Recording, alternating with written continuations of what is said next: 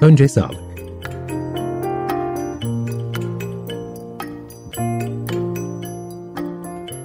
Hazırlayan ve sunanlar Ayşegül Tözeren ve Selim Badur.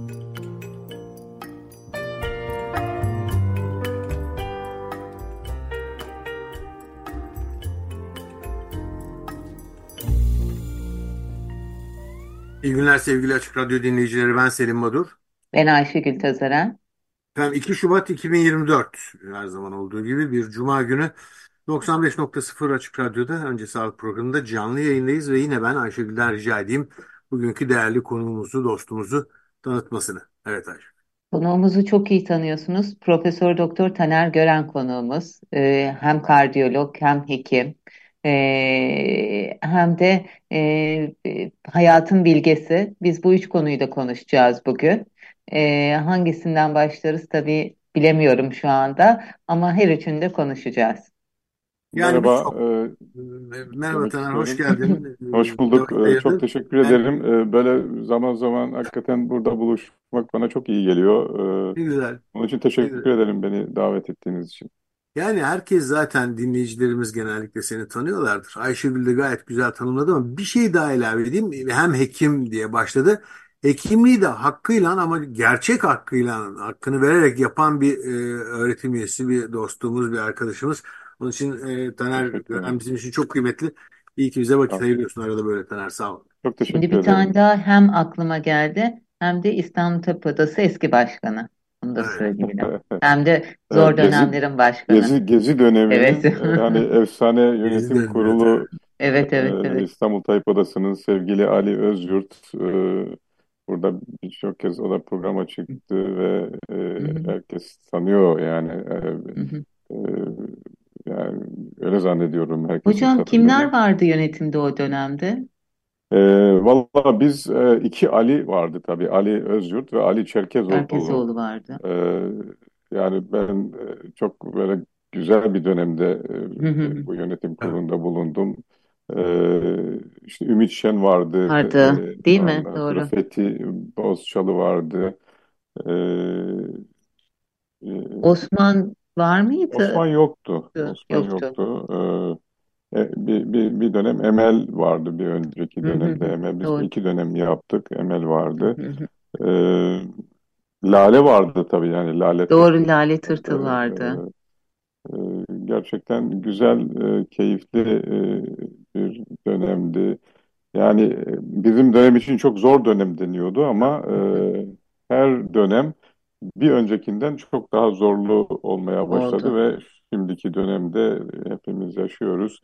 Hakikaten e, ezberlerin böyle bozulması gereken, neyi nasıl yapacağımız konusunda kafamızın böyle çok karışık olduğu, nasıl neresinden tutacağımızı bilemediğimiz, Evet. e, inanılmaz hukuksuzlukların yaşandığı, hukukun artık neredeyse hiç kalmadığı, absürt böyle çok e, böyle bir dönem yaşıyoruz. Bir de hani hekim e, olmak e, ayrıca bir e, yük yüklüyor insana.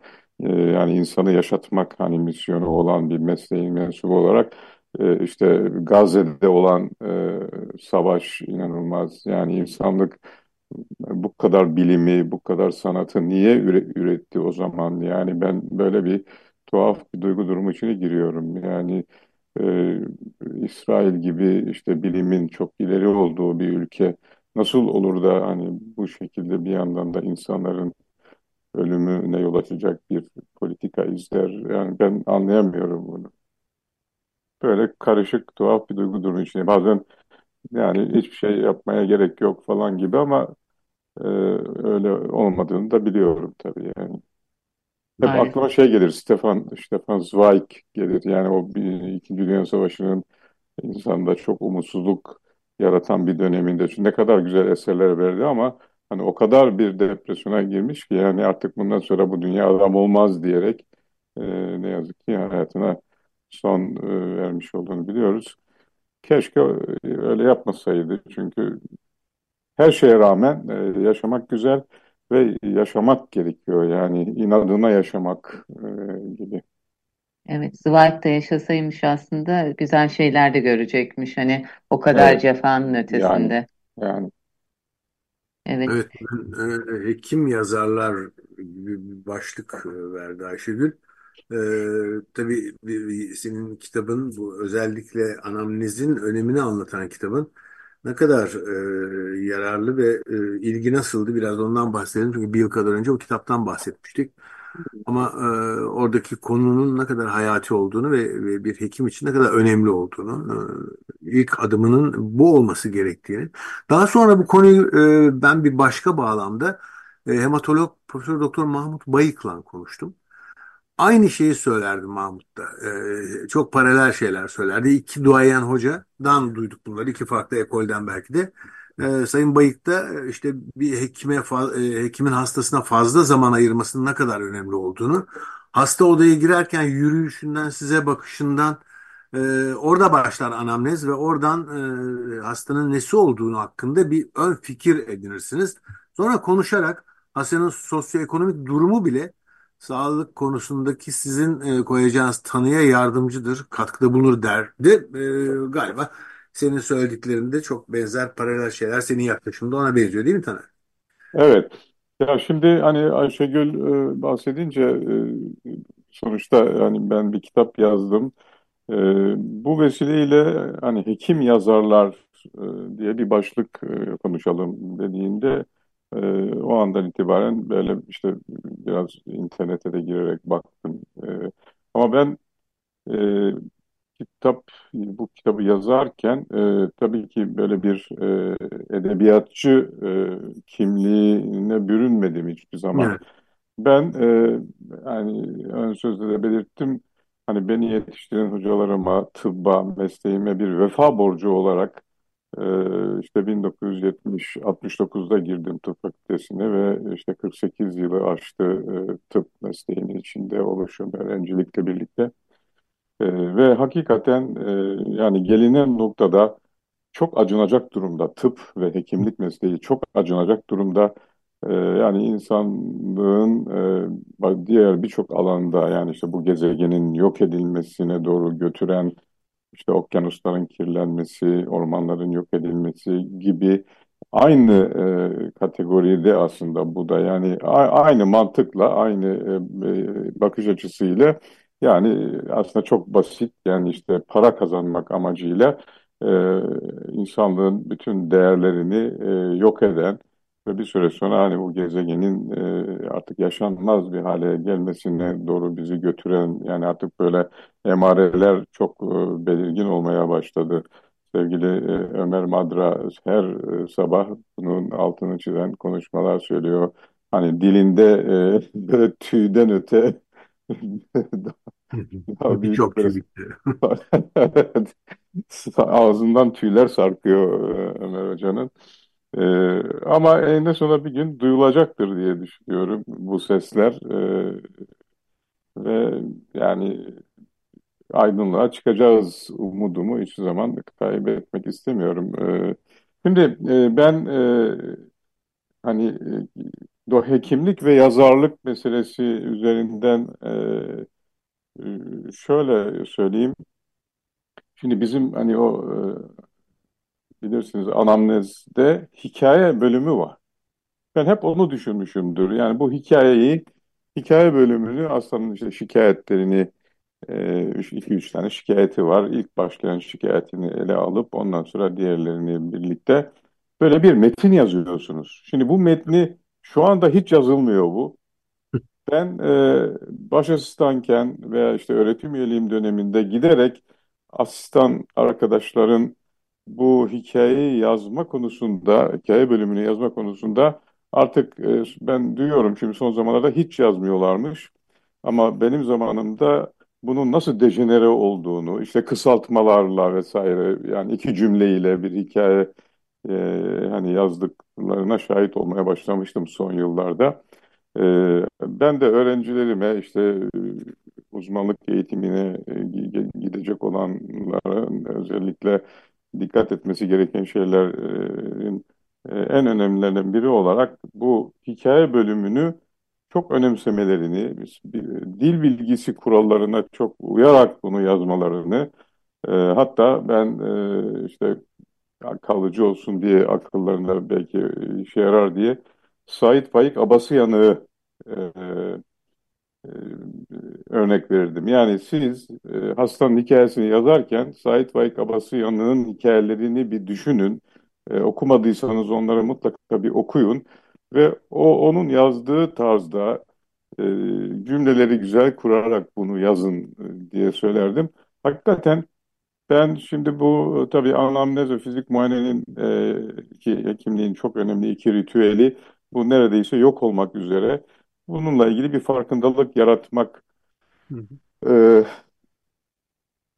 amacıyla hani bunu yazdım. Yoksa bir edebiyatçı olmak için yola çıktım gibi bir e, niyetim olmadı. Gerçi sevgili Firuzan e, benim bu hikayelerimi ilk o okumuştu e, ve çok beğendiğini söylemişti ve e, bu, bu kitap çıktıktan sonra mutlaka hani ben Doğu Karadenizliyim.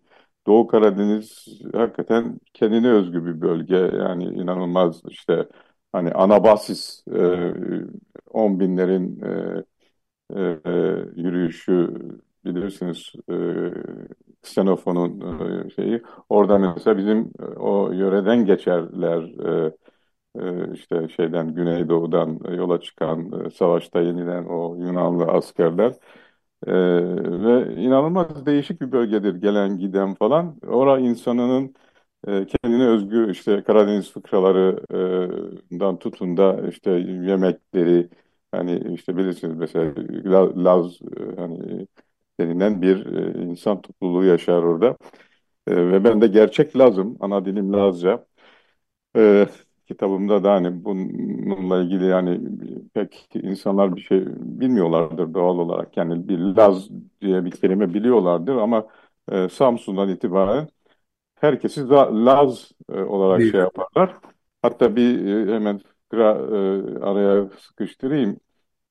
Hani Samsun'a inmiş e, bir adamcağız niyeti işte Lazistan yani Lazistan neresidir diye onu bulmak için yola çıkıyor.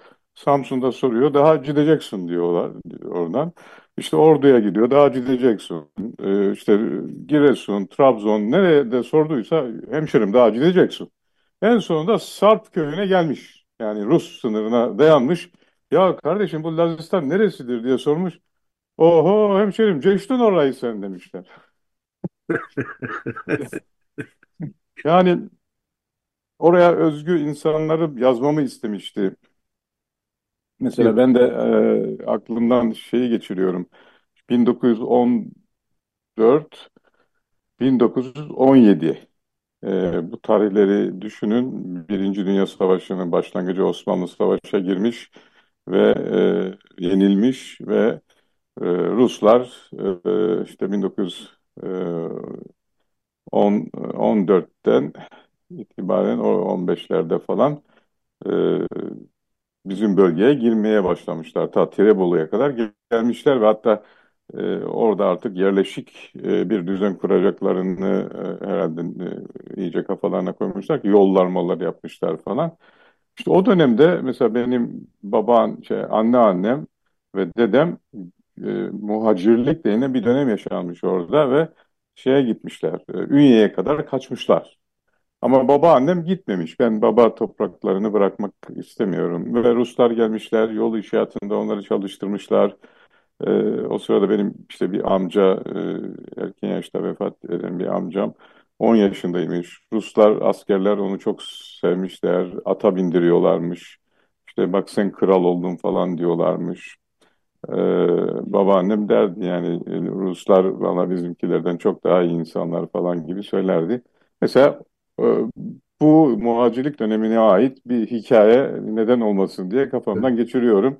Ee, hani bundan sonraki e, yazacağım e, konu olarak hani tıpla ilgili değil de e, Karadeniz insanının hani yazmayı bir deneyeceğim açıkçası yani. Ee, ben sözü uzattım daha söyleyeceğim çok şey var ama isterseniz hani burada bir müzik arası. Tamam. Bir müzik arası verelim. Sonra ben iki küçük sorum olacak. Tamamen öğrenme babına. Hatta sorayım onları ya. Birincisi bu anamnezin e, önemini sen e, öğrencilerine, e, uzmanlık öğrencilerine anlatıyorum e, dedin e, fakültedeyken. Sen kimden öğrendin? Yani senin e, hocalarından e, bu konuyu çok e, önemseyenler kimlerdi e, Taner? Ee, hemen aklıma gelenlerden bir tanesi sanıyorum hala hayatta kaybetmedik. Ee, umarım e, olabildiğince uzun yaşar. Profesör Doktor Nihat Dilşen. Romatoloji e, bölümünün hocası. Romatolojik hastalıklar işte hani sen e, bilirsin. Ee, böyle anamnezi çok karışık, çok çok zengin semptomları olan e, şey. Şimdi mesela bir, bir vizitini hatırlıyorum. Bir adamcağız işte romatoid artrit, e, işte el parmaklarının bütün eklemlerinde sorunlar var ve asistanı sıkıştırıyor Nihat Hoca. Diyor ki işte hangi eklemi en önce işte şişti, ağrıdı falan. Ee, öğrenci şey asistan cevap veremiyor, sıkınıyor, sıkınıyor falan. Hoca bu sefer hastaya soruyor. Hangi işte eklemin şişti falan. En sonunda hasta böyle bir kızarak ya hocam nereden bileyim de- dedi. E, Bilseydim bu kadar önemseyeceğinizi ben e, not alırdım her şiştikçe eklerim falan gibi böyle bir şey yapmak zorunda kaldı. Yani bizim o zamanki hocalarımız Profesör Remzi Özcan, Evet. e, efendim e, Ferhan Berker Profesör. Ama ben kendimi onların hocası olan e, bir hocamız var. Ben tabii yetişemedim. E, tahmin edersiniz kim olduğunu. Profesör Erich Frank. Hmm. Ben kendimi onun öğrencisi gibi e, görüyorum. E, onun kitap, üç ciltlik kitabı bende var ve e, hala geçerliliğini koruyor. E, anamnezi o, o çok önemseyen tabii bir hoca ve kendi öğrencilerine onlar da o hocalar da bana bunu aktardılar. E, ve yani sanki şu anda hiç önemi kalmamış bu kadar teknoloji varken anamneze ne gerek var gibi bir algı yapılmaya çalışılıyor. Hayır öyle değil ya. Evet. Kesinlikle öyle değil. Yani bunu ben biraz tek başıma kalmış gibi hissediyorum. Yani e, ama maalesef hani Galile gibi hani dünya dönüyor ne yazık ki yani. Evet. Peki çok teşekkürler bu verdiğin bilgiler için. Bir müzik arası verelim. İlk parçamız ikili e, e, bir gruptan e, geliyor. Guillaume Farley ve Rock Hobbit isimli iki müzisyen. İlginç bir parça seslendirecekler. What Do You Want isimli parça geliyor. 2 Şubat 2024 e, 95.0 Açık Radyo'dayız. Önce sağlık programında. Konumuz Profesör Doktor Taner Gören. Ee, Biraz hekimlik, biraz e, yazar hekimler ya da hekim yazarları konuşuyoruz. Bu konuya yaklaşımları konusunda çok deneyimli e, bir hocamız. Kendisinden e, tecrübelerimizi olarak da müzik arasında Havet isimli iki müzisyenden biraz da provokatif anarşist bir parça dinledik. What Do You parçası. Evet. Ee, yine e, anamnezle ilgili kitabıyla ilgili Taner Hocam bir soru sormak istiyorum. Ee, kitap okundu, kitap üzerine yazıldı. Ee, bu kitabın, e, bu kitap sizce e, farkındalık yarattı mı? Ee, hekimlerin anamneze bakış açısıyla ilgili bir farkındalık yarattığını düşünüyor musunuz? Ee, tabii e, geri dönüşler, e, şu ana kadar olan geri dönüşler e, hepsi çok olumlu. Yani çok hem kolay okunan, işte çok samimi yazılmış, içten yazılmış kitap olarak geri dönüşler oluyor. Ve yani hekimliğin biz böyle, daha doğrusu yani hekim arkadaşlardan geri dönüşler e, var, hepsi olumlu. Ama ben daha çok hastalardan gelen geri dönüşleri merak ediyorum. Çünkü ben biraz da onlar için yazdım. Yani hekimliğin e, nasıl bir meslek olduğunu, e, nasıl uygulanması gerektiğini. Hani hekime gittiklerinde aslında işte hekim ben yani şeyle böyle hani kristalleştiriyorum. Yani hekime gider hasta veya işte doktor bey bana bir MR çektirmeyecek misiniz? Bana bir BT çektirmeyecek misiniz diye talepte bulunurlar. E, Halbuki e, benim anamnezimi almayacak mısınız? Ya da işte benim anamnezimi almadınız, benimle yeterince konuşmadınız. Hani bu tür talepler e, hatta yani e, keşke olabilse yani bakanlığa seslenen böyle hani büyük insan toplulukları biz e, hekimlerin bize yeterince vakit ayırabilecekleri bir sağlık sistemi istiyoruz e, söylemiyle keşke bir takım etkinlikler yapabilseler diye hep böyle hayal ediyorum. E, bir gün olacak diye de umut ediyorum açıkçası yani. Ee, ama geri dönüşler hep olumlu. Mesela benim tenis hocam var şimdi. Ee, Vanlı Abdullah Bey. Ee, ona bir tane imzalayıp verdim.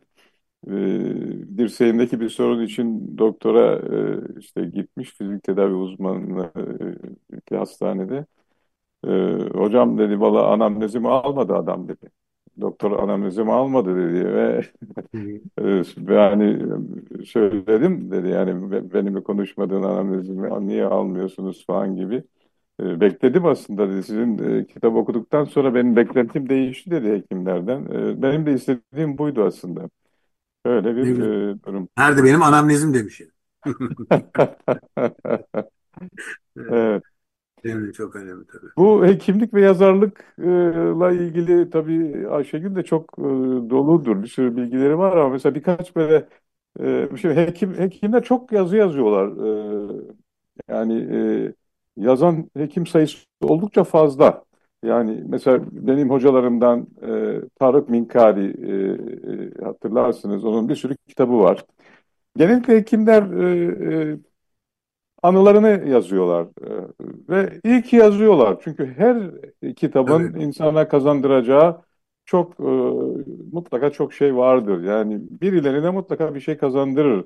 O nedenle gene sevgili Ali Özyurt'u burada almak istiyorum e, sevgi ve özlemle. Mesela onun işte iki kitabı iyi ki yazmış. E, işte sevgili kızı Neşe'ye bir e, güzel mira- miras bırakmış. E, e, Söz uçar yazı kalır kitabının birinci kitabının adı. Gerçekten öyle yani yazmak lazım. Ne olursa olsun yazmak lazım. Bu konuda e, hiç şüphe yok. E, ama yani bir hatıralarını yazan, farklı yani hepsi aynı benzer üslupta yazan hekimler var. Bir de hekim yazarlar var. Mesela bunlardan en ilginç olanı Sir Arthur Conan Doyle. E, şimdi e, Conan Doyle bir hekim. E, fakat e, dedektif romanı yazarı olmuş. Nasıl olmuş? Hekimlik üzerinden olmuş. Çünkü e, hocası Joseph Bell e, hasta bakarken onun yanında onu izliyor. Bu TED e, portalında e, Abraham Verghese e, Stanford Üniversitesi dahiliye profesörü o da hani benim gibi böyle anamnez konusunda çok şey. Hatta ben e, böyle bir aklımdan geçiriyorum kendisiyle bağlantı kurup Türkiye'ye çağırıp burada böyle bir anamnezle ilgili bir sempozyum düzenlesek, anamnez fizik muayene ve onu konuştursak burada. TED portalında e, A Doctor's Touch, bir doktorun dokunuşu diye bir kitabı var. E, şey konuşması var 20 dakikalık. Çok etkileyici. Orada ben duydum. E, Joseph böyle bir hasta, bir kadın hasta geliyor. Yanında bir küçük çocuk. Kolunda bir küçük e, palto, bir çocuk paltosu ve e, kadına soruyor. E, diğer çocuğu nereye bıraktınız diye soruyor. E, kadın şaşırıyor yani yanında tek çocuk var ama diğer çocuğu nereye bıraktı? Çünkü kolundaki palto bu yanındaki çocuk için değil, daha küçük bir palto. Demek ki bir çocuğu daha var. İşte şu yolu kullanarak mı geldiniz diye soruyor. Kadın iyice şaşırıyor. Nereden anlamış? Ayakkabısındaki çamurdan. Bu çamur bilmem hangi yoldan gelirse ancak olurmuş falan. İşte hala şu fabrikada mı çalışıyorsunuz diye soruyor. Kadın iyice şaşırıyor. Ee, nereden anlamış? Elinde bir egzama var. İşte bir, e, e, bir ne ürettiği şimdi hatırlayamadım. Bir şey üreten bir fabrikada çalışanların elinde o tür egzamalar oluyor falan. Tabii Sir Conan Doyle o sırada dördüncü ya da beşinci sınıf öğrencisi. Bunları izliyor ve hekimin aslında nasıl dedektif gibi böyle hastaların e, işte durumunu anlamaya çalıştığını böyle gözlemleyerek hekimlik yerine dedektif romanı yazarı olmaya karar veriyor. Hepimizin bildiği gibi e, ilginç, güzel romanları var. E, tabii bunun yanı sıra gerçekten kendini edebiyata vermiş doktorlar Anton Çehov aklımıza geliyor ilk anda. E, Dostoyevski'nin de babasının doktor olduğunu. Yani doktorluk e, galiba e, herhalde yani galiba dememek lazım. Yani hekim insanla ilişki, her şey tabii insanla ilişkili ama hekim doğrudan insanla ilgilenen bir insan ve konusu insan. E, Böyle olunca sadece yani böyle işte e, reçete yazan, tetkik isteyen bir insan o 6 yılın e, nasıl geçtiğini hepimiz hatırlıyoruz. Yani neler neler gördük, neler öğrendik, bir sürü şey. E, bu kadar e, hani derinlemesine alınan bir eğitimin sonucunda basit böyle reçete yazan bir insan çıkamaz zaten. Yani işte onun üzerinde e, tıbbiyeden her şey çıkar, ara sıra doktor çıkar lafı vardır. Onun için hani doktor Luk yazarlığı edebiyata yönlendirmeyi herhalde provoke eden, e, o, o, ondan yol açan bir meslek e, olmalı. Bu yüzden e, mesela bu Schiller yani şair, onun da ben doktor olduğunu yani yakın zamanda öğrendim.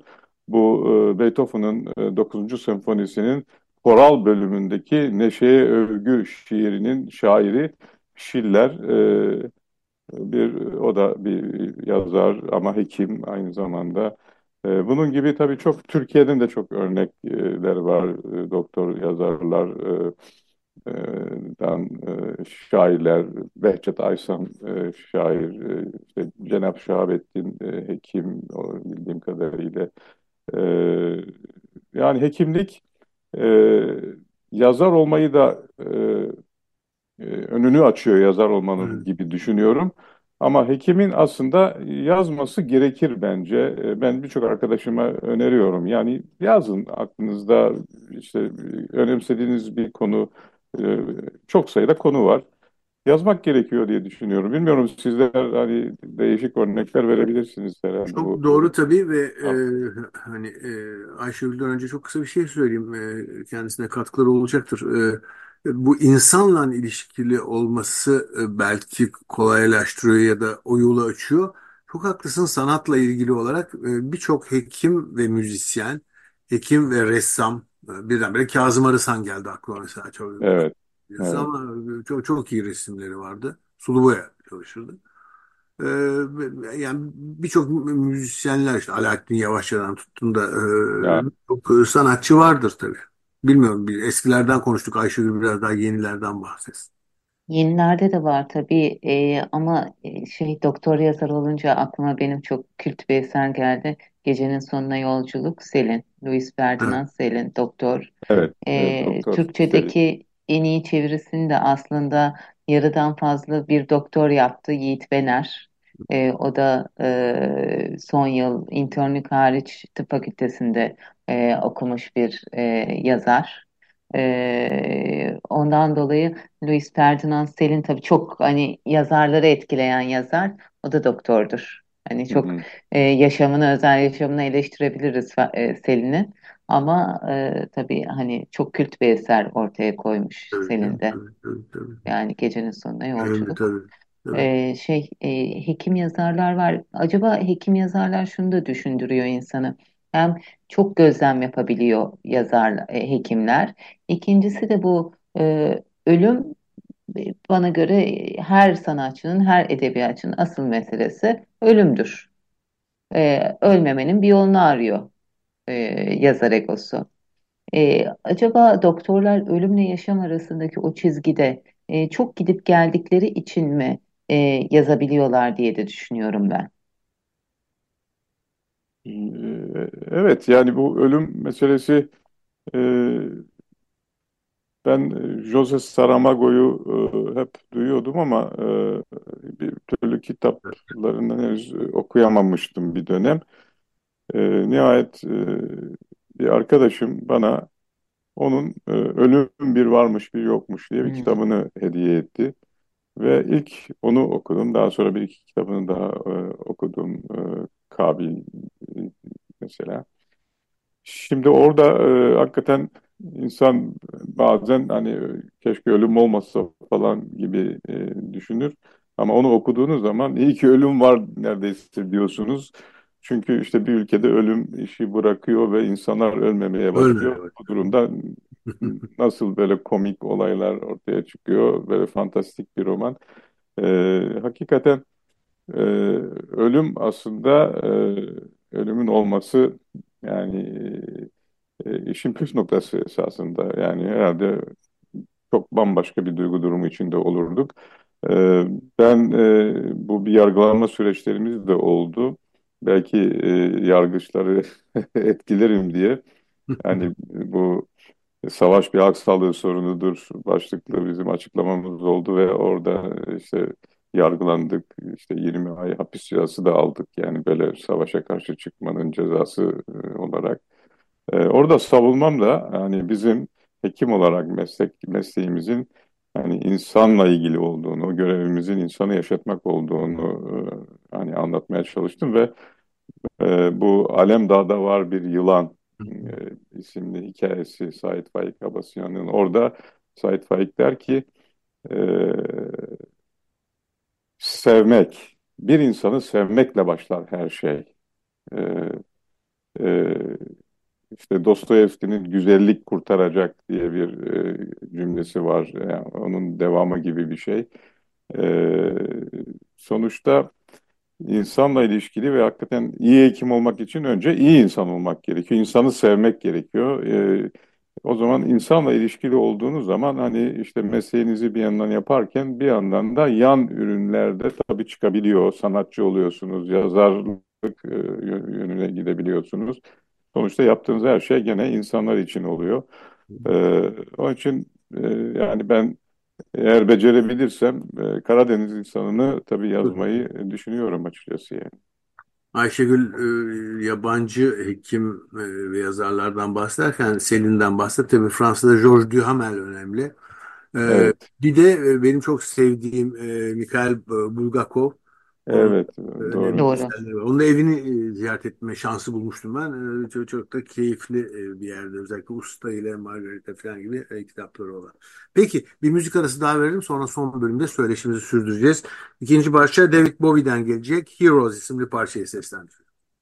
2024 e, her cuma olduğu gibi bu cumada 95.0 Açık Radyo'da önce sağlık programında e, birlikteyiz ve Profesör Doktor Taner Gören'le söyleşimizin son bölümüne girdik. Müzik arasında da e, David Bowie'den Heroes isimli parçayı dinledik. Bu arada e, biraz önce aklıma gelen yabancı e, hekim yazarlarla beraber Türkiye'den bir örnek vereceğim. Neden? Çünkü Ceyhun Atıf Kansu Evet. Hepimizin tanıdığı benim çok e, sevdiğim Hacettepe Üniversitesi'nin e, onkolojideki çok sevilen hocası Profesör Emin Kansu'nun amcası. Kendisi İstanbul Tıp Fakültesi mezunu ve e, çocuk hekimi. E, Anadolu'nun çeşitli yerlerinde çalışmış ve o dönemde Anadolu'da kızamık salgınlarını görmüş. Kızamık diye bir şiiri var. Bir takım e, enfeksiyon hastalıkları kongrelerinde falan da e, kullanılır o şiir. Çok da önemlidir yani o, o dramı, o çocukların böyle sapır sapır ölmesini kızamıktan, e, o çaresizliği Avusturya ve İngiltere'de kızamık vakalarında 16 kat artış olmuş. Çünkü insanlar çocuklarını Avrupa'da kızamığa karşı aşılatmıyorlar. Bir, e, 21. yüzyılda gelişmiş ülkelerde bile e, aşının biraz böyle eleştirilmesi yat. Evet, e, biz Taner hocamızı e, tanıtırken hayatın da bilgesi demiştik. Şimdi son bölümde oraya girelim istiyorum ben. E, 12 ve 19 Şubat'ta sanıyorum e, bir ders vereceksiniz hocam. E, çok emek verdiğiniz İstanbul Tıp Fakültesi'nde. Biraz o dersin konusundan neler anlatacaksınız? Öğrencilere bahsedebilir misiniz? Ya şimdi hekimlik gibi bir mesleğe adım atacak birinci sınıflara e, bu dersi anlatacağım. E, benim daha önce birkaç e, platformda sunduğum bir e, sunumum var. Onu öğrencilere uygun hale getireceğim. Yani başlığı hayatın değeri ve hekimlik başlığını taşıyor. E, tabii yani burada senin de daha önce söylediğin gibi yani ölüm e, belirleyici bir unsur. E, ölümden bahsederek yola çıkıyorum. Ben öğrencilerime hani bir insana e, bir hekim olarak sizin yapabileceğiniz en büyük yardım, ona e, yapabileceğiniz en büyük fayda, sağlayacağınız en büyük fayda ne olabilir diye açık uçlu bir soru sorardım. Çeşitli cevaplar gelirdi. Ama beklediğim cevap onu ölümden kurtarmaktır e, cevabıydı. Hakikaten e, yani benim öyle çok vakam var. E, kitabımda da e, e, bir tanesinin hikayesini e, hani anlattım. E, bu insanlarda en çok ölüme yol açan olay e, kalp hastalıkları içerisinde koroner arter hastalığı dediğimiz kalbin bir damarının tıkanması yani kalp krizi. Ve bu kalp krizi sırasında e, kalbin kasında meydana gelen hasar ve kalbin elektrik sistemindeki o hasar nedeniyle bir anda ölümcül bir ritim bozukluğu meydana geliyor. Ventriküler fibrilasyon diyoruz buna. E, bir anda kalp e, normal kasılmaktayken böyle sadece titreşen bir hareket göstermeye başlıyor. Sadece titreşiyor ve hiçbir şekilde kan pompalayamayacak duruma geliyor. Bu bir tür kalp durması e, olarak bildiğimiz e, en bilinen ritim bozukluğu ve en yani ölümün nedeni. Şimdi e, böyle bir e, fibrilasyon olduğu zaman eğer müdahale etmezsek hasta ölür.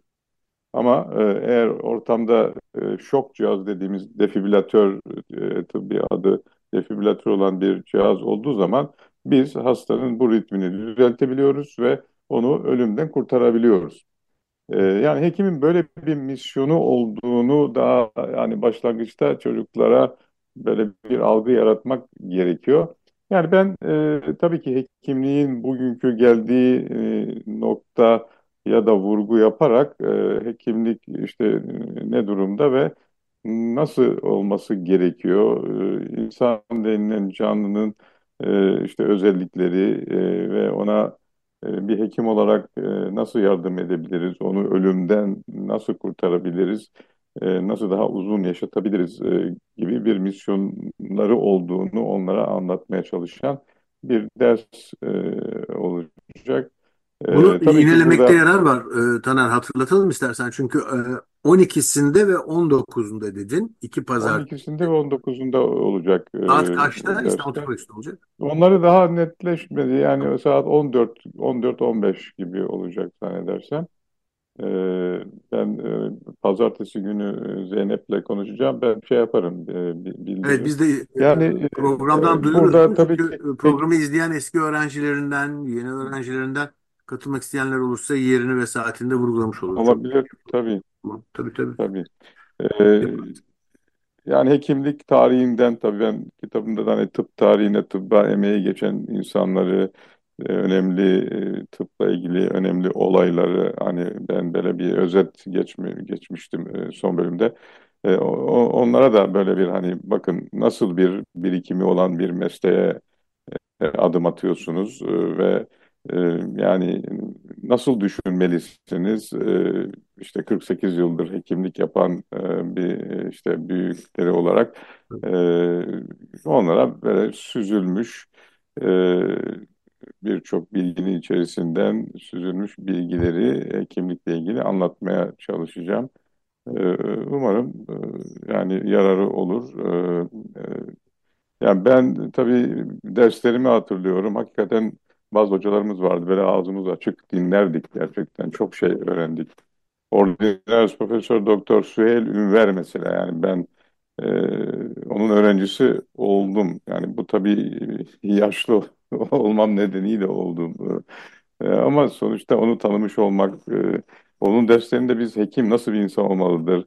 İşte hekim ne zaman, kaç yaşında evlenmelidir bile konuşmuştuk. Yani 34 yaşından önce evlenmemeli hekim çünkü e, aksi halde mesleğini öğrenmede işte aksamalar olur. İyice mesleği yani pekişsin, ondan sonra evlensin gibi bunu bile tartıştığımızı hatırlıyorum. E, hakikaten çok bu yaş önerisine uydun mu? Evet aynen uydum ve 34 yaşında evlendim ben. Evet, Peki. evet, Peki son dakikalara gireceğiz. Ayşegül'ün başka sorusu olabilir ya da hatırlatmaları.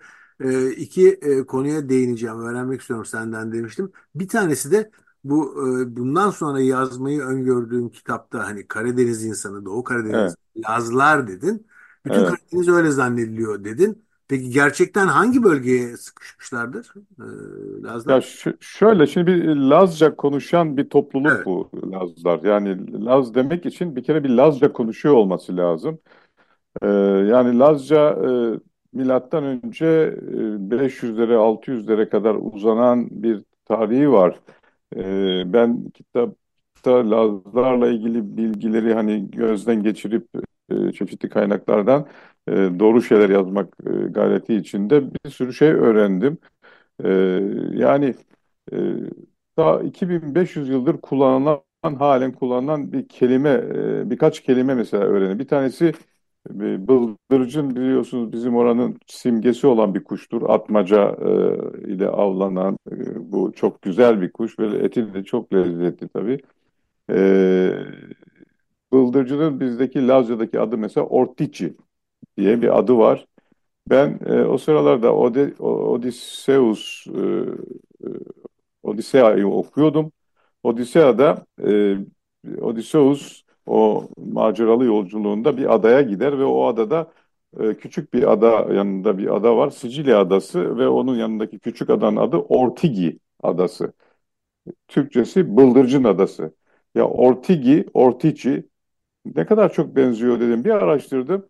Meğer e, Yunanca'da bıldırcın adı Ortix. Yani biz bugünkü e, Lazca'da Ortici kelimesini biz Yunanca'dan almışız. Daha bunun gibi e, birkaç kelime daha bulmuştum. Yani e, o nedenle bu şimdi Çayeli ve Pazar arasında Kemer diye bir bölge var. Tünel vardır orada. Orayı geçtiğiniz andan itibaren Lazca konuşma başlar ve e, Hopa e, dahil o sahilde artık Lazca konuşulur. İşte o bölge Lazların yaşadığı bölgedir. Tabii ki e, şeyde e, Batum'da da Lazlar var. E, oranın devamı olan Lazlar. Bir de işte bu savaşlar e, Osmanlı-Rus savaşları sırasında batıya göç eden insanların yaşadığı Düzce, e, Sakarya, Adapazarı, e, Hendek oralarda yaşayan e, Lazlar var. Yani toplam aslında Lazca konuşan insan sayısı e, sanıyorum 300 bin civarında. Böyle bir topluluk e, Lazlar. Evet. Ayşegül programın sonuna doğru geliyoruz. Taner Hoca'ya sormak istediğin, hatırlatmak istediğin bir şey var Taner? Hoca'ya her zaman sormak istediğim çok soru var ama zaman e, yetmedi. E, yorumlar var, onlara da bakıyorum. Bir tanesi edebiyatçılarda, yazarlarda, yazar doktorları dinliyor diye bana mesaj gönderen e, yazar arkadaşlarımız var. Bir de şimdi bir haber düştü, ona baktım. E, organ nakliyle çok anılan e, hocalarımızdan Profesör Doktor Alper Demirbaş çok genç vefat etmiş 60 yaşında. Hmm. onun haberi düşüyor. Ee, doktor gruplarında paylaşılıyor. Ee, o ona baktım. Ee, onu da almış olalım Alper hocamıza. İyi ki e, sevgili Taner çok teşekkürler bize vakit ayırdın. Valla ben E, teşekkür ediyorum. Ee, her yani zaman e, etmek. tabii konuşacak çok şey var. Ee, bahsetmek isteyip de aklıma şimdi gelen François Rabelais 1553'te vefat etti. Bin- 1490'larda doğmuş.